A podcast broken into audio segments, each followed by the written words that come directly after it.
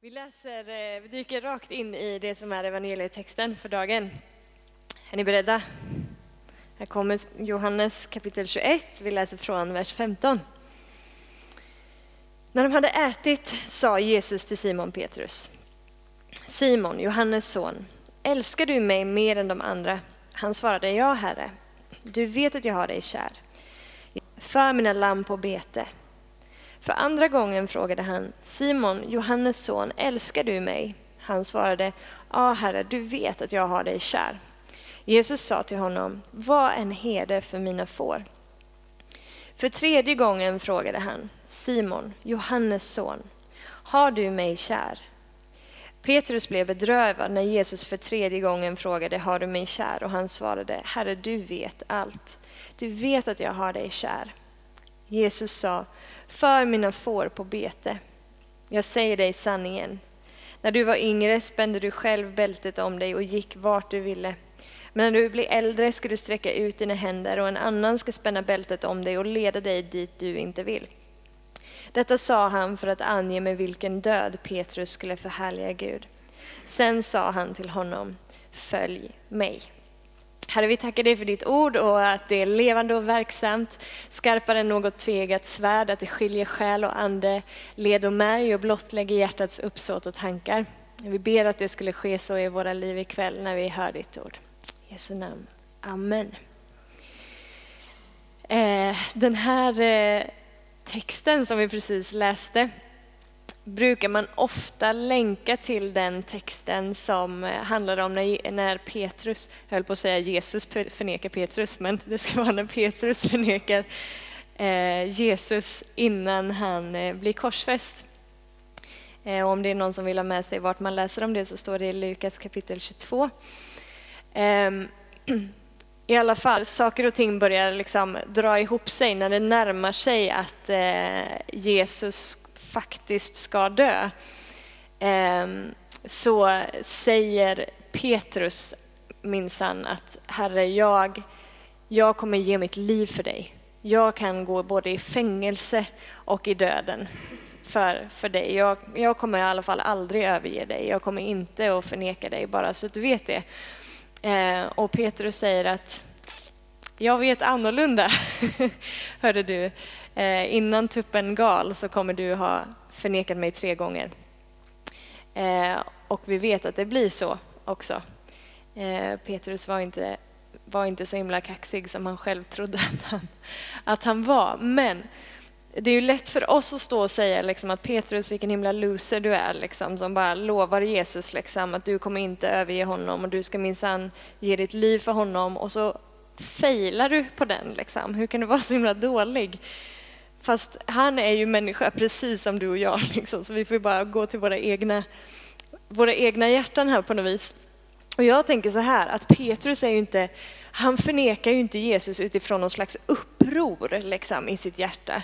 Judas, han var ju i uppror gentemot Gud. Han överlade ju och var ju liksom bedragen med flit på något sätt och fick betalt. Liksom. Han var ju korrupt i sitt hjärta, han fick ju betalt för att eh, bedra Jesus.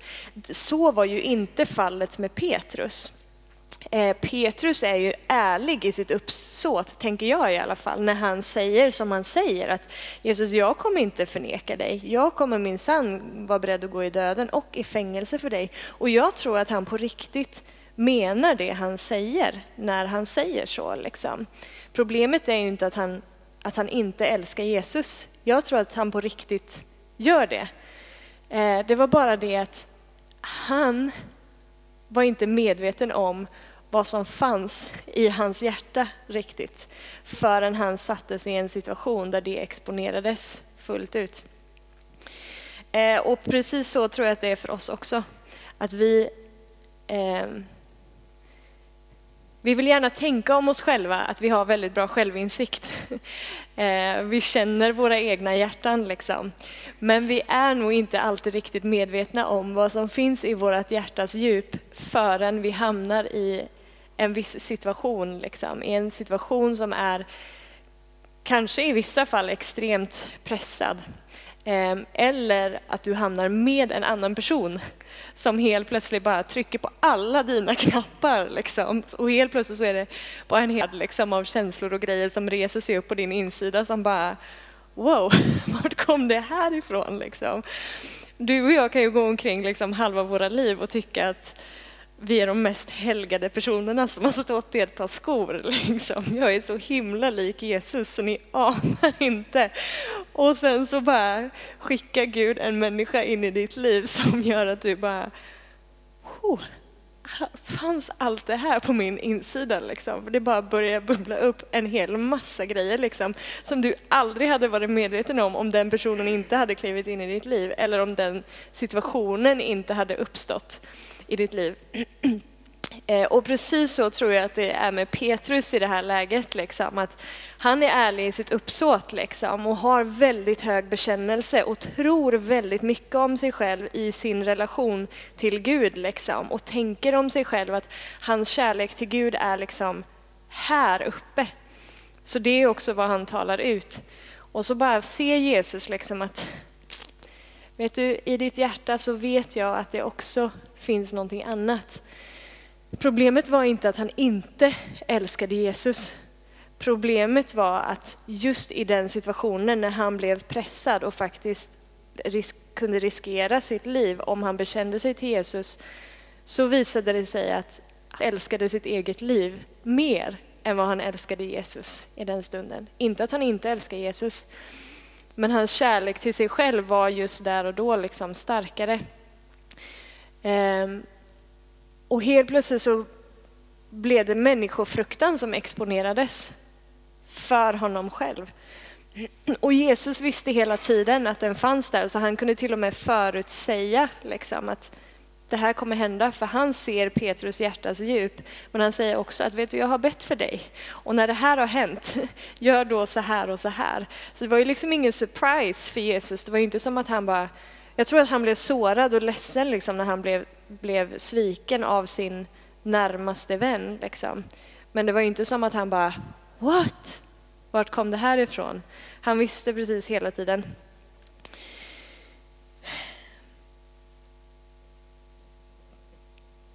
Jag tror att eh, eh, vi vill gärna liksom, jag i alla fall, man gör gärna en utvärdering av sig själv eh, när man är på liksom bergets topp och när livet rullar på och allt går som smort och man är allmänt glad. Liksom. Och därifrån hämtar jag min, min utvärdering av mig själv och eh, hur bra jag är och hur tär jag har. och så. Eh, och man vill inte lika gärna göra den liksom, självrannsakan eller så när man är mitt i stridens hetta eller efter stridens hetta. Men faktum är att det kanske är så ibland att, att det är den där stridens hettan eller den där pressade situationen eller den där asjobbiga personen liksom, där vår utvärdering av oss själva blir lite mer realistisk liksom, än vad den kanske är annars. Petrus helt plötsligt får insikt om vad som fanns liksom, i honom. Jag tror inte han var medveten om det själv. Och sen så bara ser han att kunde jag göra det där? Kunde jag, kunde jag, Petrus, svika Jesus på det sättet? Jag som älskar honom så mycket, kunde jag förneka honom? Kunde jag bedra honom? Ja, obviously. Det fanns ju i dig. Och där kom det fram. Eh, så vi, vi är lite bedragna av vårt eget eh, hjärta ibland och Gud i sin nåd, tror jag, låter oss inte alltid se allt som finns i våra hjärtan, för det skulle bli lite jobbigt för oss. Men han vet och han ser och han, eh, han känner. Eh, och jag tänkte på en bibelvers som eh, välkända verser fästa av oss, men det är i alla fall från psalm 139 som jag läste i morse också. Eh, då säger David så här, eh, för han har i den här salmen liksom precis haft någon slags samtal med Gud här där han eh, bekänner liksom att Gud, du känner mig så väl. Liksom. Du vet exakt vad som finns i mig. Du vet allt vad jag ska säga innan ett ord ens är på min tunga. Du utransakar mig. Och så säger han så här, utifrån tryggheten då, liksom, att Gud faktiskt känner honom. I vers 23, ransaka mig Gud och känn mitt hjärta. Pröva mig och känn mina tankar. Se om jag är på en olycksväg och led mig på den eviga vägen. Eh, den här bönen har jag bett för mig själv ett antal gånger och sen så ibland när jag har bett den så bara oh, som att jag vill stoppa tillbaka orden i min egen mun liksom för att jag inser att oh, nu kan det bli lite jobbigt liksom. För det är inte alltid som man gillar det man ser. Eller helt plötsligt så kommer den där jobbiga människan in i ens liv liksom som ska bara trycka på alla ens knappar liksom så att allt det där som finns i mitt hjärta faktiskt blir uppenbart. Så ibland så har jag ångrat mig lite efteråt när jag har bett den där bönen, men likväl så tror jag att den heliga Ande föder den bönen på vår insida, liksom, för att det är Guds sätt att forma oss på. Liksom. Det är Guds sätt att faktiskt göra oss mer lika honom. Och när Gud avslöjar oss på det sättet, precis som Petrus liksom blev avslöjad i det som var hans svaghet i det här läget, att han faktiskt älskade sitt eget liv högre än han älskade Jesus. Det fanns människofruktan i honom. Eh, när man blir avslöjad på det sättet av Gud så gör ju aldrig Gud det för att liksom håna oss, utan han gör det alltid för att hela oss. Han gör det för att komma in och upprätta liksom det i oss som, som var vår svaghet eller så. Eh, och det, det jag tänker vi ser händer i den här texten som vi läste ifrån Johannes 21. För Petrus, han måste ju mått så fruktansvärt dåligt över det faktum liksom att min, min mästare, min herre är död nu och det sista jag gjorde, det sista interaktionen vi hade liksom, innan han dog var att jag bara typ avsa mig, att jag någonsin hade haft någonting med honom att göra och förnekade honom offentligt. Han måste ju blivit så otroligt bara bruten liksom, när han dessutom inser att jag i mitt eget, min egen karaktär kan liksom inte ens klara av att leva upp till min egen bekännelse. Jag som har talat så stora ord liksom, om, om mig själv och min relation med Gud och helt plötsligt så bara visar det sig att det var inte alls så. Liksom. Allting bara kraschar. Hans ego måste ju bara ha dött i det läget, liksom, när han kommer till den insikten om sin egen svaghet i hjärtat. Liksom. När han bara inser att jag kan inte berömma mig av mig själv. Liksom. Jag kan inte längre berömma mig av min egen liksom, överlåtenhet till Gud, för den var ju uppenbarligen inte så stor som jag tänkte att den var. Men så får han då möta Jesus igen, här har, när eh, de möts här så har Jesus uppstått igen ifrån de döda. Och Petrus möter den uppståndne Jesus och sättet som Jesus liksom hanterar Petrus på i den här situationen, så som han agerar med honom, är ju bara i sån obeskrivlig kärlek och nåd. Han har ju inte på något sätt liksom förkastat Petrus utifrån liksom Petrus misslyckande. Han har inte avsagt sig bekantskapen eller någonting. Utan istället så börjar han föra en dialog och konverserar med Petrus på precis samma områden liksom, där han nyss då hade misslyckats. Liksom. Och tre gånger ställer frågan Petrus, älskar du mig? Petrus, har du mig kär? Tre gånger var det som Petrus hade förnekat honom. Tre gånger får han igen liksom bedyra och bekänna sin kärlek till Jesus igen. Så jag tror att, eller så här har jag skrivit. Jesus möter Petrus och i hans sätt att kommunicera och tala med honom upprättar honom. Denna obeskrivliga kärlek och nåd som han får möta i Jesu agerande mot honom trots hans svek. För det första, vilken ödmjukhet det måste ha skapat i honom. En förkrosselse över insikten om sitt eget tillstånd som han då hade kommit till insikt om och hur han inte kan berömma sig av sin egen kraft eller av sin egen överlåtenhet. Kärleken som han får till Jesus genom detta ger honom också möjligheten att bygga sitt liv och efterfölja sig till honom på hans nåd. Helt beroende av honom.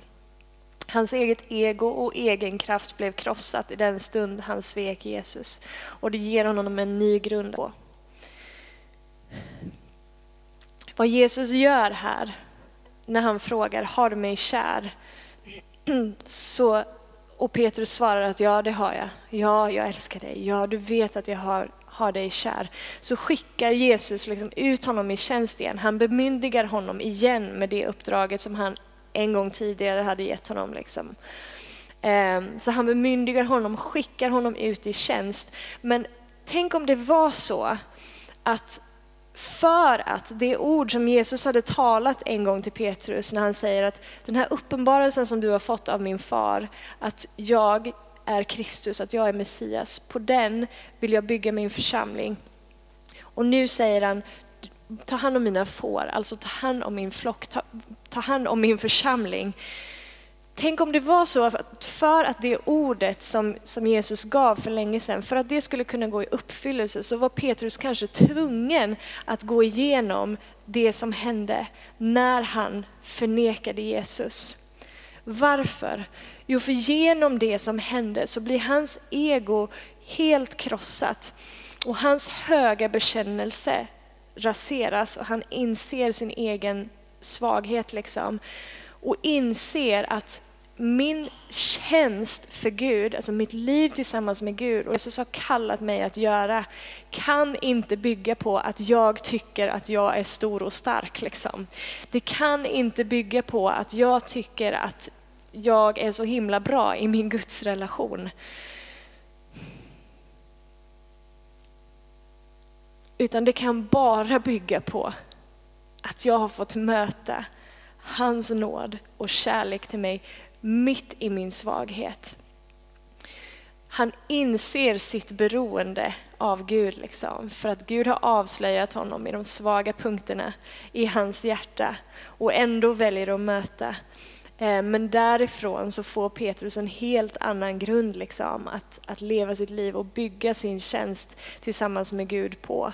Inte uppbyggt på sin egen fantastiska överlåtelse, sin egen fantastiska kärlek till Gud, utan bara uppbyggt på den kärlek som han upplever att Gud faktiskt har till honom. Jag vill bygga mitt liv på din kärlek. Jag bygger inte mitt liv på min kärlek till honom. Jag bygger mitt liv på hans kärlek till mig.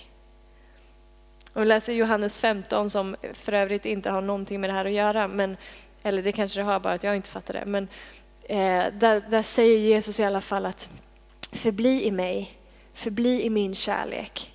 Um, och jag har ofta läst in i det liksom att så här, Lovisa, förbli i din kärlek till Gud. Säger han det, förbli i din kärlek till mig. Nej, han säger förbli i min kärlek till dig. Alltså i hans kärlek till dig. Det är där vi ska förbli. Det är därifrån vi bygger våra liv. Därifrån får Petrus bli utskickad i sitt uppdrag, i sin tjänst tillsammans med Gud. Han var tvungen kanske för att gå igenom den här svinjobbiga grejen liksom, där han känner sig helt misslyckad och all hans svaghet blir så exponerad. Bara för att det ger honom en helt annan plattform att stå på. Han har fått gå från self-confidence till God-confidence. Från att ha sin, sitt eh, förtroende i sig själv och i sin egen överlåtelse till att ha sitt förtroende fullständigt i honom. Ibland låter Gud dig gå igenom perioder där din svaghet blir exponerad. Varför gör han det? För att föra dig närmare sig själv för att eh, föra dig ännu djupare in i tillit och förtröstan på honom, vem han är. Inte på din egen överlåtenhet. Så att din tjänst för honom inte bygger på din egen självkärlek och överlåtelse till honom, utan på insikten om hur älskad du är trots din svaghet. Och din kärlek till honom får gå djupt i dig genom erfarenheten att han har älskat dig och vill använda dig trots att han vet vad som finns i ditt hjärta. Han visste hela tiden vad som fanns i Petrus hjärta. Och ändå, ändå så bemyndigar honom, han honom och skickar ut honom igen. Att gå igenom tider, stunder och säsonger av förkrosselse, precis som Petrus måste ha upplevt förkrosselse, kommer att renodla din kärlek till honom. Och det kommer att befria dig från din egen styrka och insikten om ditt beroende av honom kommer växa. Hur länge har jag predikat, Emil?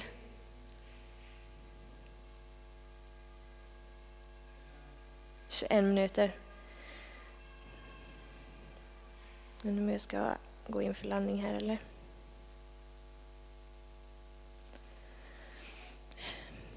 Jag tror vi landar det där skeppet där.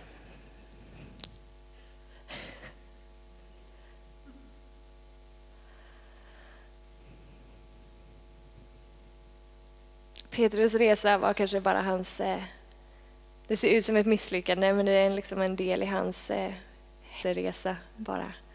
Där Gud faktiskt formar honom. Ehm, låter honom se, han exponerar det som finns på djupet i hans hjärta. Inte för att trycka till honom, inte för att liksom gnugga det i hans ansikte och tala om för honom hur, hur dålig han är. Utan bara för att ge honom en stabilare grund att stå på. Petrus, du är fantastisk, men vart din överlåtelse ligger just nu är kanske lite skevt, för din överlåtelse ligger i din egen överlåtelse. Snarare än i min kärlek till dig. Låt mig bara trycka på några knappar här, så att vi kan justera det. Så att du sen kan gå ut och göra det uppdrag som jag har skapat dig för att göra. Tänk om det är så i ditt och mitt liv också. Det finns ord som man har talat över dig, löften som man har gett över dig, eh, saker som han har skapat dig för att göra. Och så bara hela tiden så tycker du att det var väldigt vad sketans mycket jobbiga människor det ska komma i min väg. Liksom. Det var väldigt vad jag kände mig trängd ifrån alla möjliga håll och kanter. Tänk om det bara är Guds sätt liksom, att, att forma dig. Han visar dig vad som finns där inne. Liksom. För när du blir medveten om att det här känns ju inte som värsta peptaket, men när du blir medveten om att det är lite ruttet här inne på vissa områden ibland, så, så gör det oss, det sätter oss i en beroendeställning till honom som är så sund och vacker. Eh, och när Gud kommer, återigen då, när han kommer och liksom exponerar ditt hjärta, så gör han det aldrig på ett sätt som liksom får dig att känna att du är cementerad i det tillståndet. Liksom. Utan visar alltid på vem han är för dig i det läget och på vägen ut ur det. Och alla de där jobbiga situationerna blir liksom bara hans sätt att forma dig och förbereda dig för det som eh, du är kallad att göra, för det som du ska få kliva ut i tillsammans med honom. Han vill bara se till att du har en rätt grund att stå på. Att hela ditt liksom, confidence, hela din kärlek ligger i att han faktiskt har älskat dig. Och han kommer göra vad han kan, han kommer jaga dig tills dess att du står på den grunden. Vi ber. Fader i himmelen, vi tackar dig. Tackar dig för din enorma godhet emot oss. Tack för din varsamma hand med oss. Tack att du är hjärtkirurgen som vi någonsin skulle kunna ha. Tack att den helige Ande är Herrens lykta som utforskar varje rum i vårt inre. Du känner oss, du utransakar oss, du prövar oss, du, du vet oss liksom utan och innan så mycket bättre än vad vi själva gör.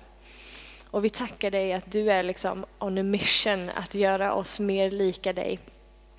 Tack att du aldrig släpper det uppdraget över våra liv. Och du vet exakt vart du har var och en av oss och vilken resa som du är på väg eh, att föra oss på eller håller på att, att föra oss på, Herre. Eh, och jag bara ber Gud att, ehm, alla vi som sitter här inne som kanske just nu liksom möter eh, jobbiga omständigheter på något sätt eller känner oss som Petrus, liksom att vi har misslyckats att leva upp till vår egen bekännelse eller vår egen överlåtelse tillsammans med dig. Att vi kanske har svikit dig på något sätt eller att vi bara befinner oss i en situation som är pressad. Herre, jag ber att du skulle ge oss vårat, äh, ditt perspektiv på vår situation. Äh, att vi skulle få se liksom vad, som, vad som faktiskt ligger bakom, Herre, vad du är på väg att göra i oss igenom det här. Tack att du med din varsamma hand liksom låter oss flytta vår, eh, vår förtröstan och vår tillit mer och mer på oss själva och lägger den ännu mer i dig och i din kärlek till oss. Tack att vi får förbli i din kärlek till oss.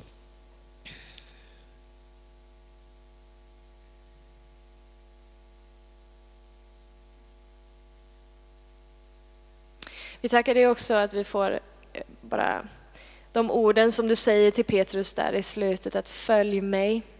Tack att det är vår grundkallelse, alla vi som tror, att följa dig. Och vi behöver inte se vad vår granne gör. Petrus skulle inte bry sig om vad Johannes väg var, vad hans, eh, hur länge han skulle få leva eller hans sätt att dö, utan följ du bara mig, säger du till Petrus. Och tack att det gäller oss också. Vårt uppdrag är att följa dig.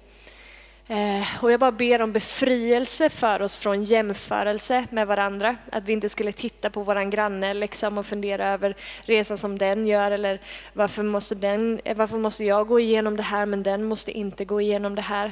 Hjälp oss att bara stänga ute all form av sån jämförelse, Herre, och istället bara vara fokuserade på att faktiskt följa när du kallar. Att vi skulle göra det som du säger till oss, Gud. Att vi skulle vara lydiga, Herre. Låt vår kärlek till dig också få eh, resultera i lydnad, Herre. I Jesu namn.